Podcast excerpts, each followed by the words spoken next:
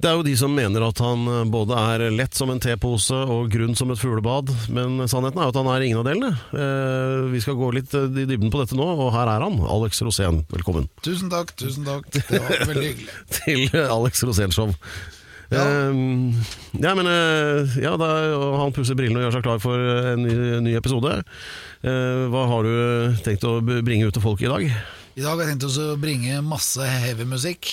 Vi har nemlig en gjest som er helt hinsides, som kommer fra Sogndal og spiller ordentlig slottsheavy, for å si det meldt, Bare at det er fra Vestlandet, da. Ja, du mener sånn der Game of Thrones-piggtråd? Ja, Ja. det er akkurat det jeg mener, og det er på høy tid at vi endelig nå drar inn musikere. At eh, musikkfaktoren er større enn kjendisfaktoren. Ja, for Da kan det jo hende at, eh, at vi er på vei inn i den tiden hvor det faktisk går an å stå på en scene og ha levende mennesker i salen. Ja, og plutselig så er Tons of Rock i gang igjen, Ja. og da er det mulighet til å møte nettopp vår gjest. Ja, Tons of Rock. Ja, Foreløpig har det jo ikke vært et milligram rock, eh, egentlig. Så i hvert fall ikke ute i verden, da. Jo, det har jo vært det, men det har jo vært inni husene til folk. Så Ja, du så- spiller bare skivene da, vet og drar opp volum. Så. Så Det går en liten stund, og så kommer politiet. Og så spør om det er fest. Har du fått spilt deg gjennom platesamlinga di, eller i løpet av pandemien? Ja, faktisk, men jeg har jo vært så dum at jeg har jo kjøpt sånne Hva skal jeg si for noe? Sånne restplatebunker. Som ligger i søpla. Og det er bare, det er bare dritt! Ja, det, Jeg finner er kanskje gøy, én bra, da blant 10 000 singler. Så finner jeg én bra. ja, Alex kjøper jo plater en gros. Ja, og plutselig så er det en bra skive der, men eh, det er mye møkk ute og går. Det blir gitt ut mye dritt på 80-tallet. Ja, det er litt det der, Man må kysse en del frosker før du finner en prins, men det er jo den der lykken da, når du har kjøpt en sånn uh, båtlast med singler, og, og så er det én som bare er så killer. Ja, Og så har du den ikke. Nei, ikke Du sant? har ikke hørt om den engang. Nei, Og så kan du skryte til Lance om at uh, du har noe som han ikke har. Ja. Det er også sjelden. Lance også da researcheren vår. Og, Researcheren, vår eminente researcher. og han er som en sånn industrimagnet på vinylplater. Det bare klistrer seg til den uansett hvor han er. Så kommer han tilbake igjen nedsunket i platekasser. Ja, det er faktisk sykdom. Ja, ja, det er ekte hoarding, altså. Sånn er det å være platesamler. Ja. Altså, Våren er på hell, eh, men fremdeles er vi jo i april. Hva var det Bjørnson sa? Jeg velger meg i april. Vet du hvorfor han sa det, forresten? Ja, det er fordi at eh, da begynner solen å komme, og da kan du begynne å kle deg. Det er kaldt på fjellet, men det begynner å bli varmt i Oslo i hvert fall. Ja, men det er ikke helt sånn, fordi altså, eh, Bjørnson hadde jo rimelig høye tanker om seg selv. Eh, og så var det da i eh, altså, Hele hans, disse diktsamlingene hans begynner gjerne med det der 'Jeg velger meg i april'. Ikke sant? Ja. Men det var et dikt han skrev til en dansk kalender. Altså et opp, oppdrag han fikk. Men eh, da var det bare én måned som var igjen. Alle de andre var tatt. Det var bare april igjen. Så skulle han liksom late som at han hadde fått velge, så derfor begynte han med 'Jeg velger meg i april'. For ingen skulle tro at han liksom måtte ta den siste. Ja, da sier jeg det som faktisk er nå. Jeg velger meg mai. Ja. Alex Rosénshow. En podkast fra Radio Rock. Ja, det dreier seg altså om eh, tro, håp og kjærlighet, men størst av alt er eh, rocken, som vi pleier å si her. Størst av alt er kokken. Ja. In innimellom så får du med deg ting, i hvert fall ting som rimer. Eh, Men nei, altså, vi skal nå fordype oss i rock, altså, i denne episoden her, sånn litt sånn tilbake til røttene for- oss, da. Eh, Og veldig sånn spesialisert, vil jeg kanskje si. og Eh, sentralt for det hele er liksom uh, Vestlandet, det som tidligere var Sogn og Fjordane, eller Sogn særlig, hvor du har reist mye, Alex, og pleid å si når du kommer tilbake at uh, hver gang du er der, så føler du at du har lagt igjen en del av deg selv. Og Ja. det Vanligvis dreier det seg om innholdet av testiklene, da, men hvis du nå skal introdusere dagens gjest, så Pedro. vet jeg at det blir med litt høytidelig preg. Vær så god. Pedro, du har helt rett. vet Første gangen jeg kom til Sogndal, var faktisk inn, det, var, det var så nervepirrende. Fordi Sogndal er bedekket av fjell.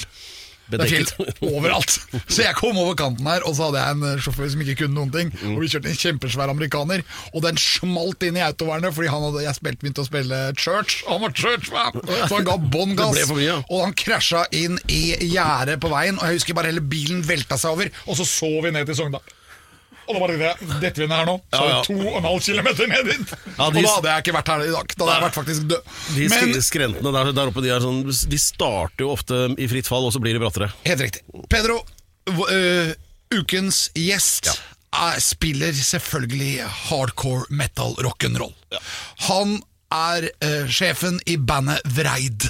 Bandet oppsto i 2004, ut av vinder. Nå kommer det nye albumet Wild Northwest. I tillegg til å gi ut plate, følger det faktisk med en film. Ja, Han er fra Sogndal. De spiller Sogna Metal. I dag er grunnleggeren og bassist vår gjest her. Han er også bookingsjef i Tons of Rock. Mine damer og herrer, ta imot Jarle Wall Kvåle! Hei! Jarle Vall Kvåle, velkommen i studio. Tusen takk. Det var jo eh, Ja, det var faktisk enda rarere enn å gå ut på scenen. Dette. Det der var Ja. Jeg pleier å si I am Alex Rosén, and here it's Jarle Wahl Kvåle. Tusen takk. Det, Hvordan går det med Vreid? Eh, det går veldig bra om dagen. Jeg må si Det Det, er et, eh, det koker et sirkus verre enn noen gang. Ja. Eh, Selv nå i koronatid. ja, egentlig mer enn noen gang i koronatid. Da, men altså, vi, bare, altså, vi var jo som alle andre. Kommer dette virus, stoppa alt. Alt bare pff, There's nothing to do. Sitter Og du spiller jo Sogna Metal. Ja, og så blir du sur først, sånn som alle andre. Blir dritforbanna og lei. Og så bare bestemte vi oss en sånn april-mai. Nei, det blir ikke noe så virus som stopper oss. Vi skal ut, vi skal finne på andre ting. Og da begynte vi liksom å ja, leite rundt. Hva går an å gjøre? Ja, Hva gikk det an å gjøre? Nei, Det begynner med å være fint lite. Vi satt og lagde litt musikk, og så gjorde vi streamingkonserter. Det var det første vi gjorde. At vi eh, så noen andre begynte, men så var det sånn OK, Vreid står på Rockefeller uten publikum. Tenkte jeg, det er det så jækla spennende? Nei, egentlig ikke. Så, så vi reiste fram på hytta mi i Sogndalsdalen. Stilte oss opp der og hadde ja, litt familie og mor mi som publikum. Og drog på der. Og, Men med kameraer. med kamera. Men vi, vi gjorde det var helt enkelt. Vi hadde med oss én produsent, og han hadde med seg et par gjestekamera. Og så var det liksom bare å gjøre sjøl, rigga til. Og så får vi se hvor dette bærer. Hadde egentlig ingen peiling. Men eh, det var jo litt feit å stå og spille, da, kjent, men, men du sakna publikummet, da. Det var jo eh, Men du fikk jo de kulissene, sikkert. Ja, da, Dere spilte utendørs. Trenger ikke folket, da. Nei, gjør ikke det. Det er jo en eh, Altså, ja. Jeg bor jo ikke i Sogndal nå, jeg har blitt vekke mange år, men jeg er jo utrolig mye hjemme og savner det hele tiden. For det er jo eh, altså, det er en grunn til malere, og kunstnere har reist opp der i århundrer for å få inspirasjon. Det ser helt vilt ut. Ja, ja, det- det- Beskriv litt hvordan omgivelsene var når dere gjorde den konserten. Nei, altså, du, du står jo, det er jo fjell eh, altså Det er sånn 200 meter mellom fjellene. Det er en liten sånn åpning der du akkurat får plass til å sette opp og rigge det til og ha et par hytter og litt sånne ting. That's it. Og du ser snøtoppene overalt rundt deg. Sant? Du kjenner det trekken fra breen nedover. Og når vi sto og spilte, da, så Dette var jo i juni, og normalt så pleier det å begynne å bli litt sånn vårstemning og greier, men det var kaldt og jævlig. Fem, fem grader vi sto og spilte der ute i. og Snøen lå fortsatt rundt oss, måtte egentlig kjøre vekk en del av snøen med traktor for få opp utstyret og litt sånne ting. Så det, altså det, det, var, det var jo også så stå og spille inn et maleri, da, følte jeg. Ja, men når du spiller Sogna Metal, så høres det jo veldig riktig ut. Ja, det er jo det. Det tok jo bare 30 år før vi skjønte det sjøl, at vi må stå ute i naturen og spille, ikke på ei scene. Men hadde, var det fossefall? Ja, ja, det fossefall. Hører det dundre bakgrunnen der. Så det var helt, eh, altså, det var helt nydelig å høre lyden av naturen der. Selv vi, vi gjorde vårt beste for å overdøve naturens lyder i halvannen time, men eh, nei, det var fantastisk. Det er det er en ting jeg tenker på, at vi har lyst til Seinere, når folk får lov å reise igjen, så har vi lyst til å ta publikum på sånne plasser. sant? Ja. Det er jo det som er fett, tenker jeg. Altså, Komme ut der og, og i all slags settinger, show band i en helt annen casting eller et eller annet. Liksom, det er jo istedenfor bare en standard scene. Det, nei, det, Ja, for da er du innendørs, og det ligger jo mange begrensninger. ja, ja, jeg savner jo det. Skal innrømme det. Altså, det er jo feit, herregud. Jeg gleder meg til konsert igjen. Men, eh, men det altså prøve å gjøre noe helt annet og få med seg publikum ut og sette sånne premisser, da, eh, ja. Da blir en gira sjøl. Og det syns jeg er digg. Det, det er det viktigste for oss. Vi jo ja, så vi begynner å bli voksne, vi òg, etter hvert. Og og da å finne nye måter å jobbe på, bli inspirert. Jeg tenker tenke meg at Det er helt sinnssykt å stå med fjellet, for av og til så steller jeg meg på sånne brygger, og så tror jeg hele havet er publikum. Og da er det 100 millioner i publikum, altså! og så bare sier jeg All right, everybody, calm down! calm down! Og da tenker jeg, når dere spiller Sogna-metal i fjellheimen, og du har hele fjellet ut, så skulle du hatt med deg Pedro. Ja. Skulle Pedro kommet ut i bare sånn derre sånn derre penisfutteral, og så bare gikk med kroppen innsmurt i vaselin, klatrende ned, som en sånn derre ultimat figur! Kan Det, det som er litt overraskende, er at du, du vet jo ikke egentlig hva den filmen dreier seg om. Du, det er jo omtrent det, men det kan, vi komme tilbake til. Uh, ikke vaselin, det var mer sånn, uh, sånn babyolje og danolje, men eh, Men det er når du står på brygga og gjør det beste det der der, sånn det er da du ser avisen dagen etter at uh, av uforklarlige årsaker så er det hvaler som har slengt seg av på land. Men uh, så har vi forklaringen på det også. Eh, ja. Men det er altså sånn at Vreid har da ikke bare laget musikkvideo, men en hel spillefilm, er det ikke så, om, rundt dette her. Og vi skal få høre alt om det, og snakk om virketrang. Det blir vi inspirert av. Jarle Kvåle i bandet Vreid, som er hyperaktuelle akkurat nå, med både uh, en ny skive og spillefilm og hva, hva det nå er alt sammen. Uh, la oss ta dette med filmen da, uh, aller først, Jarle. Jarlas. Det er en, en spillefilm. Ja, rett og slett. Forklar. Nei, Vi begynte med et par musikkvideoer, skulle planlegge, og så ble det mye som sånn, ti ekstra. Så da fant jeg ut at jeg skal gjøre noe jeg alltid har lyst til å prøve å lage film. Ja. Det har vi aldri toucha for. Altså, lage én musikkvideo, ikke lage en film, liksom. Da er det å prøve å være litt tøff og litt naturbakgrunn. Det liksom, det er jo det som skjer. Men uh, så fikk vi med oss en produsent hjemme, Håvard Nesbø. Spikhakkagalen hakka galen. Eh, Når du treffer folk som liksom har null filter, null begrensning, jobber døgnet rundt, og det var han som gjorde den der eh, konsertstreamen, da. Da skjønte du at du har funnet gull, så da, da tenker jeg nå, nå, nå skal vi realisere den her galskapsideen. Så da Jeg har jo alltid hatt en drøm om å liksom ta noen av de elementene som jeg elsker fra filmverdenen. Og da, For meg er det tre hjørnesteiner. da. Det er David Lynch. Mm. For, for meg er Sogndal er Twin Peaks, rett og slett. altså. Det er, jeg ser det, det, er- ja, det, jeg, jeg, tre- jeg trenger ikke å forklare mer der, tror jeg. Er det moren din som spiller Love Lady? Hun er sentral, altså. Og så er det Filmavisen. Eh, Det var da det kom i gang all historien når Horden var mindre. Og så er det Ivo Caprino. da. Filmavisen, altså. Ja. Kom inn, Asbjørn, spenn på deg skiene, det er et glitrende førerute. Da- Det var jo da du så på når du, Det var ikke så mange ting å se på når du var liten, sant? men det, det, det catcha med en gang. Filmavisen da var trigger. Og så Caprino. Ja. Fordi jeg mener Caprino er litt sånn Når du snakker om Sogndal og fjellheimen og naturen og eventyr og hele det der Du liksom, satt inne og så på liksom, gamle VHS-ene med Askeladden og Revenka og hele gjengen, og så tusla du ut i skogen, så var du i samme universet, liksom. Det var bare grafikken som skiltes litt. Så liksom, de tre tingene var det vi hadde lyst til å lage vårt eget lite eventyr om, da. Så hva, hva skjer i den filmen her, da? Tok dere utgangspunkt i et eventyr?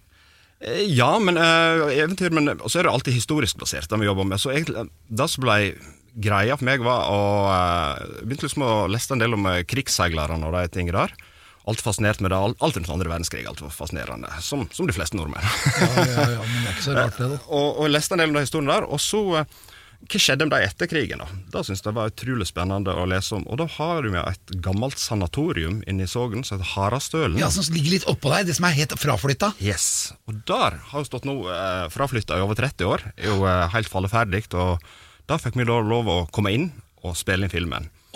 Og litt av storyen der er jo at mange av de, annet krigsseilerne, havna, jo der oppe. Det var der de skulle behandles. på godt For og vondt. granatsjokk. Ja. Yes. Og, deretter, og det ble mye eksperimentell behandling. Altså, noen fikk et bedre liv, noen fikk et mye verre liv. Eh, sant? Og vi har òg en historie da med, med lobotomering i Norge, og alle de tingene som skjebnene som fikk der. og i tillegg så var det veldig mange som rett og slett døde der oppe. Ble bare sendt ned i en boks, og det ligger ei egen grav i bygda der med bare de navnløse for å si det slik, etter behandlingene der oppe. Så Oi. hele det bakteppet er jo liksom så jeg synes Det er jo en skremmende, fascinerende historie, og så er jo ganske nær. da. Det er liksom ikke, Vi snakker ikke 100 år tilbake, det er ikke vikingtid og tussa troll vi snakker om her. Dette er nok bare noen tiår siden dette skjedde i nærområdet.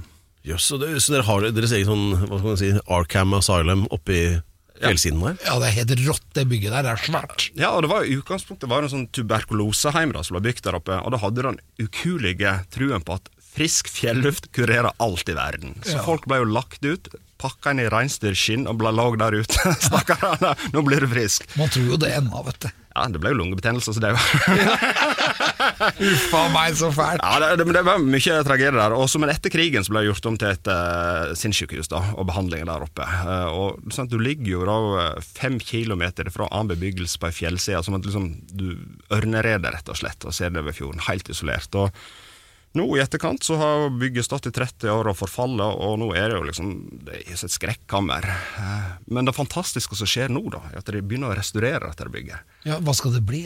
Det skal bli et hotell med, eller en konferanseplass, men de skal òg prøve å bevare hele historien. Så det skal ikke bli noen sånn fancy, fin plass. De skal liksom ta den historien, men det er jo et helt vilt, spinnvilt prosjekt, altså. Men Hva brukte dere det til i filmen, da? Mye spilt inn, eh, mye av scenen der inne, for mye av handlingen i filmen er jo lagt til eh, en fiktiv skjebne, da, som ender opp i en slik situasjon som jeg har snakket om nå. og Så vi brukte jo dette utenfra og filma en del, og så var vi mye inne og brukte hele huset. og eh, da måtte vi jo signere en erklæring på at det var helt eget ansvar å rusle rundt der inne For å rase fra tak og gulvet forsvinner og alt. Så det var, ja, men det var helt spektakulært å få lov å være. Altså. Hva syns du om filmen, da, når du nå er ferdig med den? Nei, Det er jo rart, vi har aldri gjort noe slikt. sant, Så er, men jeg, jeg, jeg er veldig fornøyd, jeg er kjempestolt av at vi har greit å gjøre noe helt annerledes. Så føler jeg det er en ja, helt, helt egen ting som ingen andre har gjort før. Og det er jo òg en litt sånn drivkraft. Prøve å finne nye vinklinger, ting og ja. Så, så hele eh, så er, det, altså, det, er det da en musical, da, eller hva er sjangeren? er, jeg regner med at det hele albumet er med? eller Ja, ja, absolutt. Ja, ja det, det er et godt spørsmål. Musical, og det er kanskje det verste ordet jeg vet. Så enda blir ble, Han lager egen musical uten å vite det. Det er jo sånn det jo, for det er, jo, Jo. Sogna-metal. Ja, så, så når du opplever så er det jo Det er jo egentlig åtte Du opplever som åtte musikkvideoer satt sammen, så du hører plata fra A til Å, og så er det jo tematisert som en film hele veien. jeg tenkte på liksom sånn sjanger og kom på noe andre eneste jeg kom på i farta, var liksom Stop Making Sense av Talking Heads, egentlig. Eh, ellers så er jo dette er ikke noe som, som mange har gjort, da. Nei, jeg har ikke funnet noe lignende, men altså det ligger jo uh, altså, jeg tenker For meg er det altså, begynte som musikkvideo, men så blir det altså ok, du kan ikke av hver låt og, som en prøver med har fått at det er en setting som en musikkvideo, ja, men for meg er jo det at folk ser det fra A til Å, mer Ja. som en film. Og det er for meg, av musikk jeg kan si, er også som Pink Floyd live in Pompeii og sånne ting. Ja, altså, litt eller The sånn- Wall, for den saks skyld. Ja, ja, så litt der eh, Ja, eller Uten å strekke seg opp der, så er det liksom litt den tankegangen vi tenkte da, men det ble enda opp som noe helt annet, egentlig. Eller Elvis Presley TV-spesial.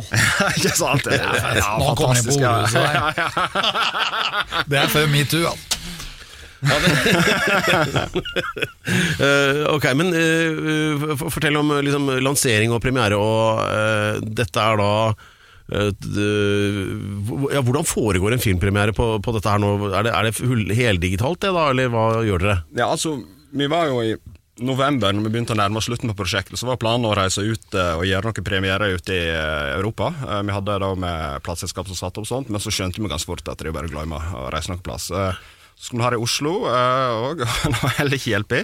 Men i Sogndal fikk vi satt opp, uh, for der oppe er jo ikke korona, nesten. Eh, Så der har vi vært nå her i forrige helg og hadde tre visninger der oppe på, i kinosalen der, og det var fantastisk. og ja bør se lokalsamfunnet liksom komme inn og Alt er jo spilt inn i Sågen, og det gjør jo at jeg tror mange som kanskje ikke kjenner alt musikken vår, ble jækla nysgjerrige på hva i all verden vi hadde funnet på nå, da. Så eh, det var publikum der fra fem år til 82, så det var bra spennvidde på uh, metal-film i Sogndal. Fanbasen deres er jo for det meste i andre land, er det ikke det? Altså, Ja, og det, det er jo tanken nå videre. Nå tar vi Altså, vi streamer hele filmen. Vi legger den ut uh, nå, og den er ute, ligger ute et par dager. Der er den, eh, folk kan se han overalt. Og det gjorde vi òg med den forrige konserten. For tanken er jo at eh, i vår sjanger så er som du litt her og litt der. Det er ikke sånn at det er ett land som er megastort. Men det er som Tyskland, USA, Mexico en del er det jo viktigste. Men det, er- det er litt i de fleste land. sant? Så Ja. på den forrige streamen vi gjorde, så fikk vi jo ble sittet i over 40 land. da. Uh, Ja. Så eh, det er jo litt sånn som turnélivet er for norske metal-band. Liksom du reiser i Polen, du reiser i Spania, Tsjekkia liksom det. Brasil. Brasil. sant? Det, det er litt, litt her og litt der, liksom, og bygd seg opp. og Det er jo litt fascinerende at det, det er blitt en hel sjanger som liksom kan reise til så mange land. eh, og ha et sånn lite undergrunnsnettverk liggende overalt. herlig. Du må fortelle mer om hva Sogna Metal er. Vi er tilbake om kun kort tid. All ready for party. Alex Rosén Show. Ja, eh, Ja, Pedro. Jo, eh, jeg, jeg satt her og visualiserte Sogndal. Nå på våren da er det jo sånn blomstring og fint, og eh, ikke sant, sånn disse fjellsidene, og man hører vel eh, omtrent liksom Griegs avmålkonsert, eventuelt eh, Tone Damli Aaberge som prøvesmaker noe saft. Eh, ikke sant? Altså, det er det man ser for seg, da. Men eh, dette er arenaen da for Vreid sin relativt høylytte og bråkte, mørke og mystiske musikk. Er det Det er jo ikke Ja, det er jo noe nytt, vel? Eller hva er kombinasjonen er? Du sier liksom at det passer så bra. Sogna Metal. Ja, Sogna metal. Men da, Ja, det er sjangeren. Sogn... Si det, si det riktig. Sogna. Sogna metal. Sogna Sog- Sogna metal. metal. Ja, og, nei, Det passer godt i lag med Saft, da, det må jeg jo si. det Og Tone Damli Aaberge og Ola Steie og fotball, alt det der hører jo sammen. Det er jo en enhet. Det er jo ikke tvil om det. For se det. Vi vandrer sammen. Ja, ja, ja, Ola det er jo deilig. fantastisk, altså. Ja. Ja. Ja. Må spille noe Ola Steir i dag. Det, det, Hva det, er Sognametal?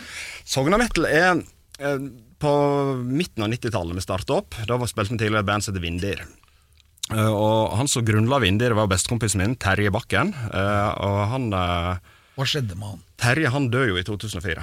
Hva skjedde? Han reiste ut på tur, gikk opp mot eh, familiehytta si. Ingen som visste han skulle reise, og kom ikke ned igjen. Så han ble funnet i snøen tre dager seinere, fråsihel, 25 år gammel. Nei. Så det, var jo totalt ødeleggende. Vi sto der, hadde bygd opp et band. Ja, Var i ferd med liksom hadde vært reist en runde til USA, gjort en del liksom, Det var ting begynte å skje, da. Endelig skulle vi leve rock'n'roll-drømmen her, liksom. Og så plutselig så er bestekameraten og grunnleggeren din Men hvordan går det an, da? Si Har han glemt å kle på seg, eller? Ja, jeg tror ikke han hadde tenkt seg helt om hva gjorde. Jeg- jeg- Det blir en av de ting i livet du aldri får svar på, så jeg har grubla på hver dag etterpå. Og sant, Hvorfor reiste han den turen der, hvorfor gjorde han det, hvorfor ikke sant? noe? Men han ble funnet at han hadde gått mot hytta, og snudd, var nesten kommet ned igjen, altfor tynnkledd, 15-20 grader. Så fant han ute i snøen. Det er det eneste vi veit. så eh, Altså, det var et totalt sjokk. Du sitter der liksom bare Alt forsvinner for deg. Du helt Du går inn i det mørkeste du kan tenke deg, og det er jo et fortsatt et mørkt kapittel, men, men, men liksom på, ja, på grunn av da Terje var, Han var jo pioneren, han som starta det. da Han skapte og satte i gang, da. Så sitter vi jo her i dag.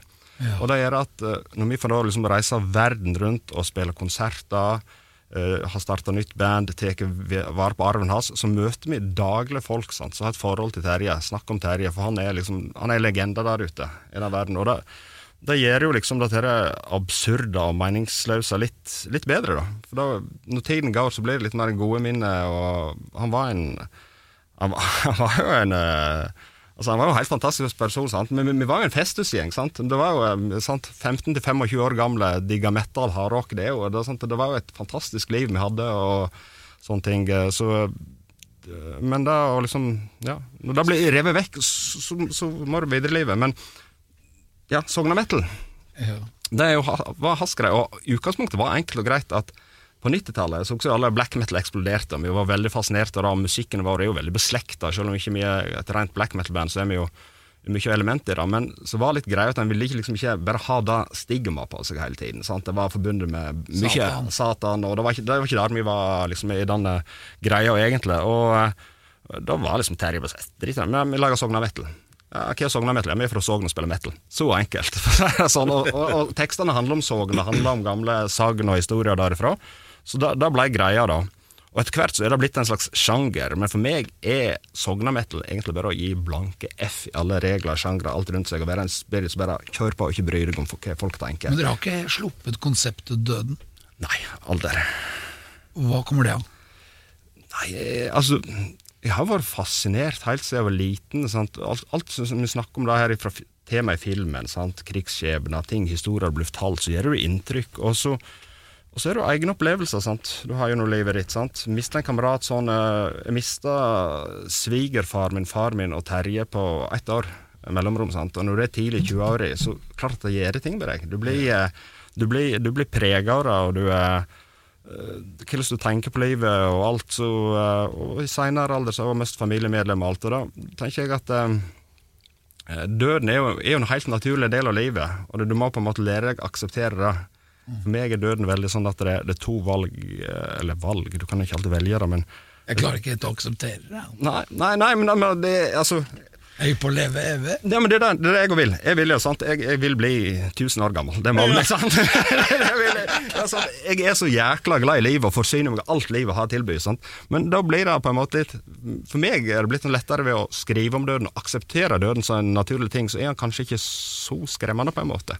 Og så gjør det at du får dette vekst. Ja. Highlander. Ja, altså, ja, så vil du alltid sant? Du skal utrette, du skal gjøre ting mens du fortsatt kan. da Så det er litt sånn eh, Kanskje litt sånn eh, stress det gir i livet, men egentlig et bra stress, tenker jeg. Sånn, Livet er altfor kort. Det er jo det som er problemet. Jeg må, jeg må si det, Jarl, at uh, du sier at dere, dere er ikke helt inne i den der øh, death metal-sjangeren, men jeg har aldri hørt en rocker snakke så gjennomtenkt og reflektert om døden heller, da, som det du gjør.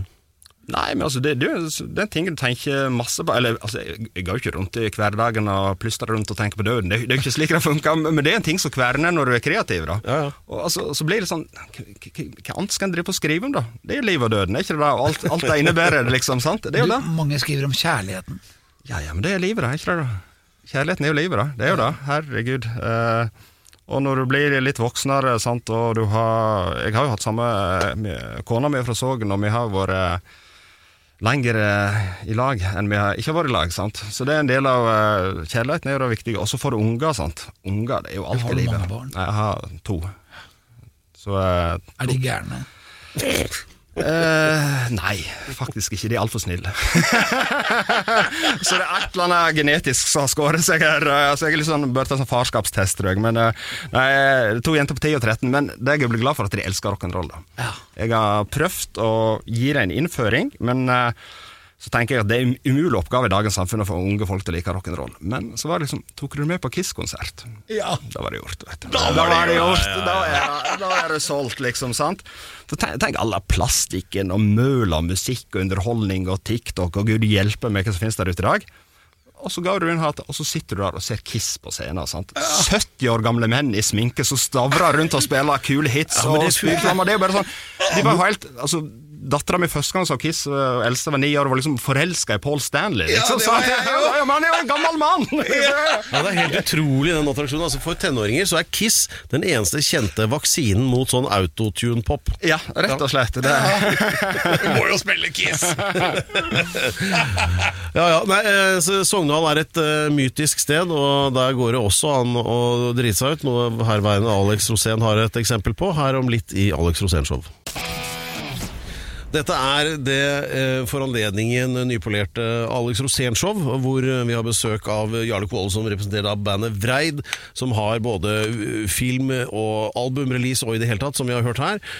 Som har liksom, de har tonsatt hele Sogndal på et vis, med sånn Sogn... Jeg må si det riktig. so, hva, hvordan sier man det? Sognametall? Sognadal. Sog, Sogna metal. Sognametall. Sogna metall i Sognadal. Høyt, bråkete, mørkt og, eh, og dyptpløyende. Um, akkurat som deg, eh, sånn sjelelig sett, Alex. Du har jo også en historie Du har jo vært overalt. Altså, det finnes ikke en kommune i Norge der du ikke har vært. Nei, og du har en historie fra alle. Og når det gjelder Sogndal, så mener jeg å huske at du har sagt en gang at du ble kasta ut fra fotballbanen der.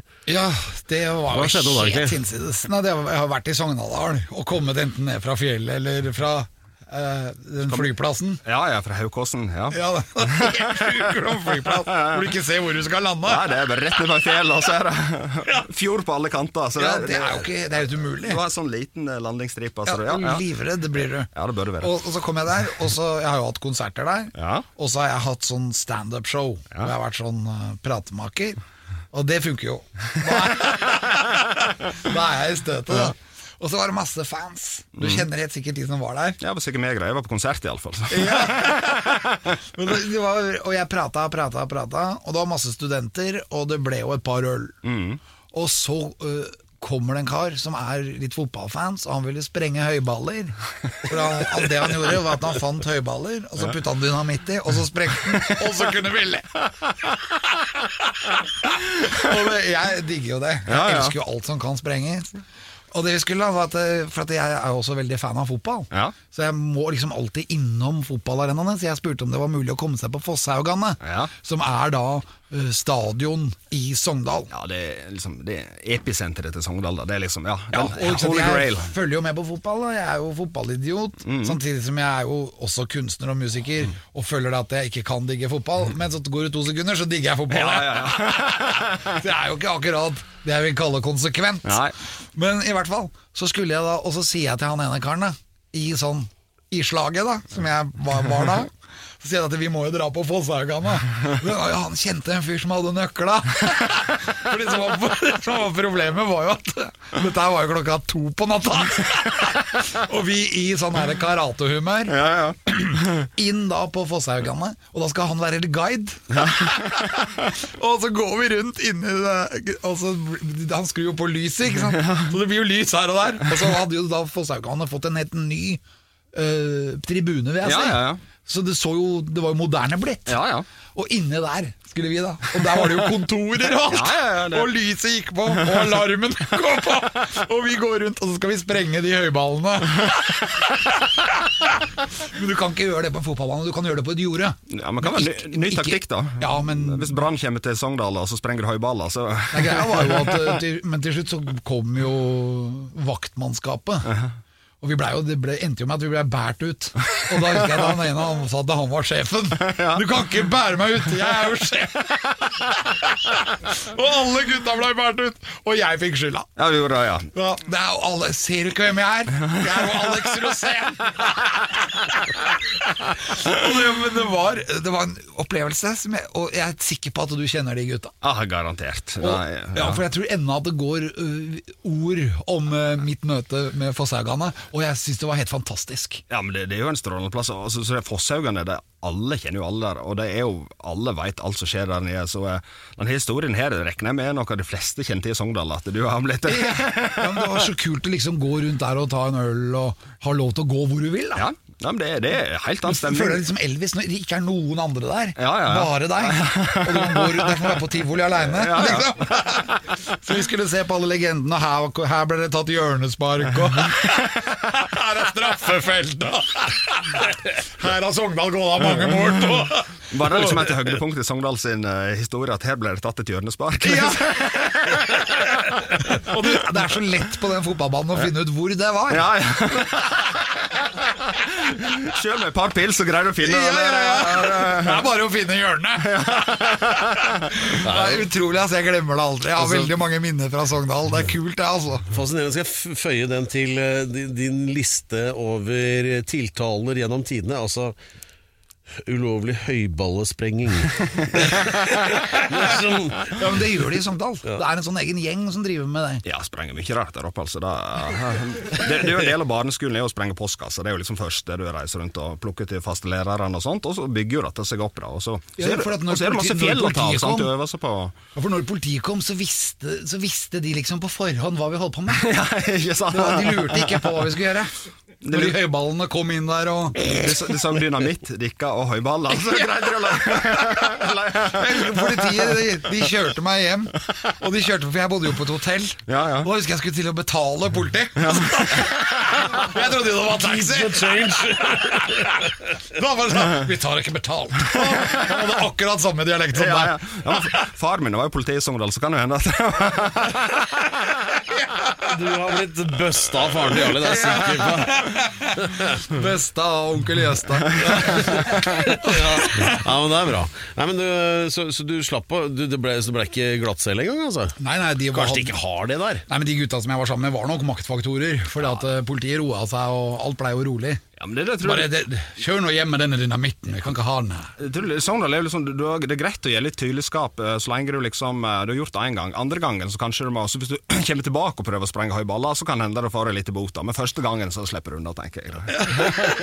Men det er jo, det er jo fascinerende, da. At Det er, det, vet du hva, det er noe veldig kult med landet. Den, den fotballbanen er kanskje den viktigste i Norge, fordi man vil, altså, med tanke på den viktigste kampen, altså den Brasil-seieren i VM i 98, så altså, Flo-pasningen ble vel funnet opp av Fosshaugane, går jeg ut fra?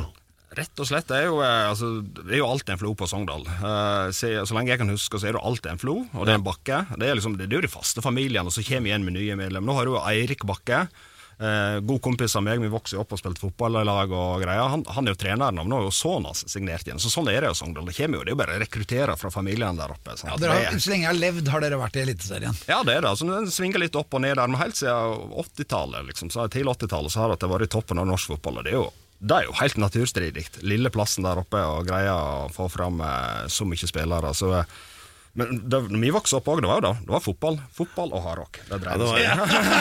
jeg husker, det der, Flo, husker du Flo på, altså Det var jo så gøy med Jostein Flo, fordi ja, altså, digre mannen ikke sant, sånn inn i feltet der. Og Han var jo litt sånn keitete og sånn, men han var svær. Ikke sant? Og så kommer det sånt innlegg, og så kommer han bare sånn sidelengs sånn, holdt på sånn Oi sann! Hele forsvaret til Frankrike eller Portugal eller hvem måtte være, går ned som sånne bowlingkjegler. Liksom. Stanger inn ballen. Det er brutalt. Det er, Det er brutalt. sånn fotball skal være. Altså. Altså. Det er Sogndal. Ja, det er det. Og Bjørneby var jo pasningen opp til Jostein Flo. Da var jo Flo-pasningen, da. Og Ja. nå har jeg spiller jo eh, sønnen til Stig Inge Bjørneby. Han spiller jo selvsagt på Sogndal nå. Så det er jo Ja. det, ja, det må ta vare på tradisjoner. Ja. Det er liksom eh, akkurat som i NRK, det liksom går i arv. Ja. Alex Rosén Show. En podkast fra Radio Rock. Pedro, nå må du våkne opp. Ja, Vet du hva? Skal jeg fortelle deg noe? Nei. Jo. Jo, forresten. Vi er jo på radio. Hør nå. Eh, Barcelona de eh, fikk av eh, Unicef lov til å ha Unicef på drakta. Det gjorde dem gratis, fordi at de skulle støtte Unicef. Men i Sogndal så spiller faktisk fotballaget med Vreid på drakta. ja da, altså Hva er likheten mellom dere og Unicef?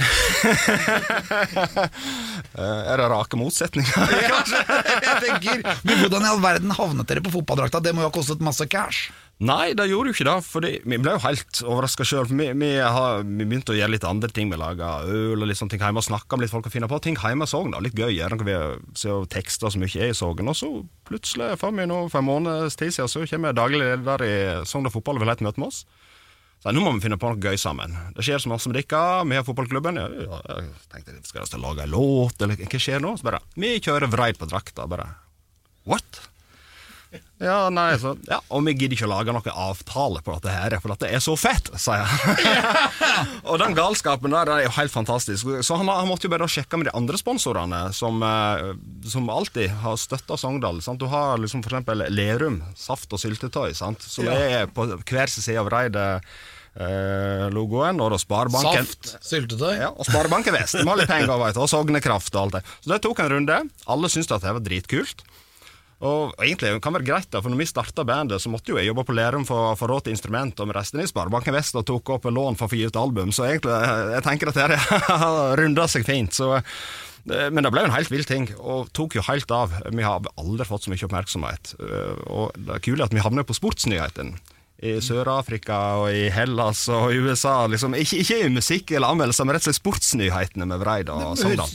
Det må jo ha vært et kommersielt gjennombrudd. Ja, det, det vil jeg si, og bra for begge parter. Og høydepunktet var jo at uka etterpå så blir jo eh, daglig leder Sogndal ringt opp fra radio i England. Så sier at nå hører nå at Iron Maiden skal nå ha logoen sin på draktene til Westham til neste år. Så han lurte på hvor ideen kom fra.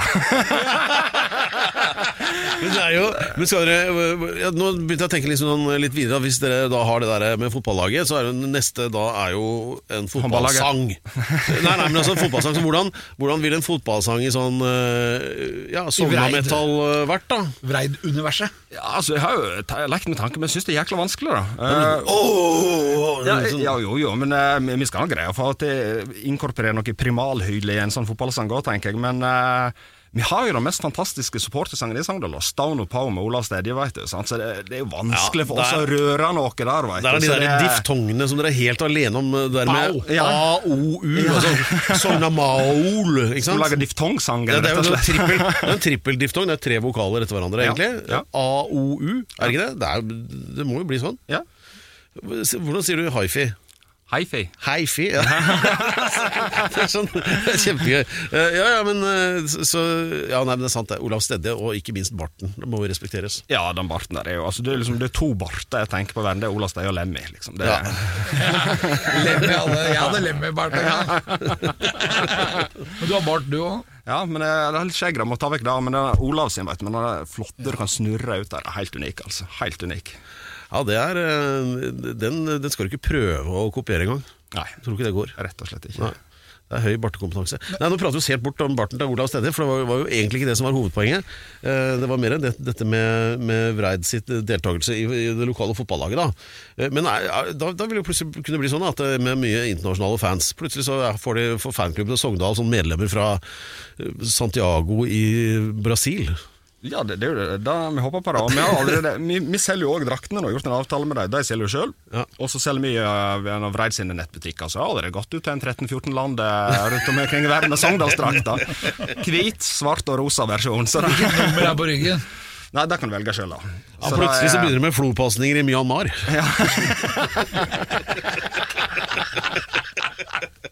Det er kult, da. Å drikke saft. Og tar opp lån i Sparebanken Sogn. Det tror jeg jeg har gjort òg, faktisk. Ringvirkningene er jo helt utrolig. Jeg er kunde i Sparebanken i Sogn, jeg. Ja, hvor mange bankkontor har du egentlig? Jeg har vel 30. Ja, ikke sant? Det er bare for at kemneren skal ikke orke å sjekke alle. Den- Han tror bare at du har én lønnskonto, jeg har jo 30. Det er, Nei, men hvis, det, hvis kemneren blir for uh, brutal, vet du, slår han bare i hjel. Ja. Det, det er jo i Sogndal. Det er jo da, der oppspringet til Sogna Metal kommer jo fra Jeg vet ikke om du kanskje har hørt om noe som heter Slaget på Fimreite i 1184? Nei. Nei, men det er det største sjøslaget i uh, norsk historie. Kong Sverre og Erling Magnusson. Men det som Grunnen til at det ble et slag der inne, var at i 1183 så var det Arntor fra Kvåle, gården der hele gjengen kommer fra. Han ble jo så dritforbanna på at de tok så mye skatt uh, på gården hele tiden, så han reiste rett og slett, fikk med seg en gjeng bort, tok med øksa og kappa hodet av takstmannen der ute. Av Skatteverket. Skattefuten, rett og slett. Ah. vel. Så, og da ble jo kong Sverre Det en Det er det er ganske kontant måte å klage på ligninga på. Så nå hvis det er en del som ikke har fått skatteoppgjøret helt, så de regner med, så er jo det Det finnes alternativ. Ja. Men hva skjedde da? Nei, Kong Sverre ble jo ganske forbanna for dette og reiste inn, øh, og det ble et stort slag. 2000 mann øh, døde. Og kong Sverre Så det hadde jo sin pris, da. Eh, Og kong Sverre, han, han var første taktikeren, da. Der før møttes du, sant.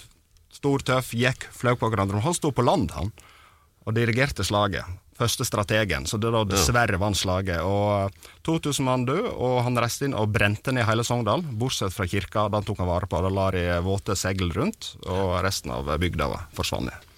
Ja.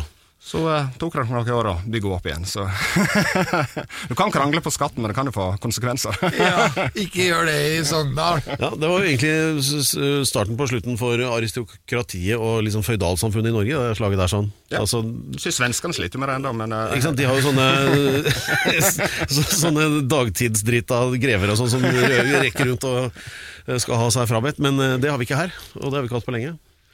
Nei, fader, altså. Sogndal, der eh, Der skjer det, Alex. Der skjer det. La, la, la, la, la, la, la, la, la, la, la, la, la, la. Pedro, vær så god, det er din tur. Ja, takk. Eh, Det er jo ikke egentlig det. det vi har besøk av eh, Jarle Kåle, som har altså en releaseuke som vi ikke har hørt maken til, med både film og album og uh, i det hele tatt. Men du driver jo med mye annet rart også. Blant annet har du bookingsjef på Tons of Rock. Uh, Og uh, blir det noe? Det blir ikke i år, da. Nei, Den er men- Ikke i det hele tatt. Men det er helt sikkert. Dere gjør ingenting. Dere gjør ikke noe digitalt heller. Eh, det kan hende vi gjør noe, men vi venter vel litt på at det skal bli noe, kunne gjøre noe fornuftig igjen. Eh, vi, altså, sist vi hadde et Tons Rock, er jo mye tilbake til 2019, sant? med Kiss og full pakke på Ekebergsletta. Fantastiske opplevelser der oppe. Og så året etterpå så var vi på Ekebergsletta, men da var det 100 mann som var lov å være der, og Black Debbath spilte. de hadde ikke fått- de hadde ikke fått med seg at det var avlyst, så de møtte opp og rigga seg til. Så. så da, men i år blir det ikke mulig å gjennomføre. Men uh, vi er jo i gang for 22, da. 22 Ja. er jo verden i gang igjen, og vi har fått Iron Maiden. Sant? Iron Maiden Hey. er klare for og Rock neste år, og det renner på med band der. Så nå er det bare å se framover. Liksom. Jeg føler er liksom helt på slutten av kneika her nå. Ja. Begynner, så ute, gikk i gatene i dag, du ser det begynner å sette ut igjen uteservering, og det begynner å skumme i ølglassene snart, så nå, er- ja. Ja. nå er det bare å glede seg til festival neste år. Ja. Eh, Ja. Så, men eh, så, men det, det nærmest forestående er da i forbindelse med da denne uh, spillefilmen, som er basert på albumet uh, Oi, nå datt det ut. Uh, Northwest Nei, hjelp meg. Vill, vill vest. Vill. Wild Northwest. Ja, der er vi, der er vi. ja. Eh, og ehm, og hva, jobb, hvordan jobber dere med det nå for å, liksom, å, å få dette spredd? Nei, altså nå er, er det jo uh, hatt noen visninger, og så er det den store streamen. Nå i helga så ligger filmen ute på Facebook og YouTube, så kan du gå inn og se den der. Og da håper vi å få ja, spredt den overalt i verden. Vi har fått med så mye bra partnere. Og det er jo det kule med, med rock- og metal-verden. Det er litt sånn som fotball, det er brotherhood, sant? Og eh, vi kjører jo gjennom våre kanaler, men så jobber plateselskapet med å få med andre. Sant? Presse, festival, alt delene av eventen nå- ut. Og kulasten fikk jo i, inn i går, da, det er jo at eh, i Mexico Vi har spilt i Mexico én gang. Helt fantastisk. Det er kanskje beste opplevelsen med at Formel 1-banen i Mexico. Så at den, det var 80 000 mann. Kiss, Cooper, alle banda. Vi fikk spille. 20 000 mann for oss. Det var helt crazy. Og i Mexico så er det spik etter sånn musikk. Og i dag kan vi vite at vi har fått en ny partner i Mexico som skal være med og dele den streamen vår. Så det er jo en uh, ny Det er Playboy Mexico. Så uh, nå endelig da, Det blir ikke da- tøffere enn det. Nei, da tenkte jeg da er det Så eh, ja, jeg gleder meg til neste runde til Mexico. Det blir helt rått. Kjempebra. Uh, tusen takk for at du kom. Takk for at jeg fikk komme. Vi må takke Lance. Sjø-Lance. Takk, Vår eminente researcher. Mannen som fant det deg oppe i Sogndal. Til og nå har du egentlig flytta til Asker, da. Det er ikke like metal, det, kanskje. Nei, det, det er ikke det. Nei, du, du har i hvert fall butikker der, da. Ja, ja. Eh, Vi må også takke Remai, eller Remi. Han heter Remai the one and only. Remi Bak spakene. Tusen takk til Pedro Gianfranto Loca de la Ustados, vår eminente programleder. Takk til meg sjæl, Alex Rosenier! Og tusen takk til Jarle Kvåle fra Vreid. Hei! Takk skal du ha. Takk, takk. Vi ses live. Nå er skiva ute. Nå er det bare å høre på det. Vreid, folkens. Wake up call. Wake up right now. Alex Rosén Show på Radio Rock. Ny episode hver fredag der du finner dine podkaster. Radio Rock.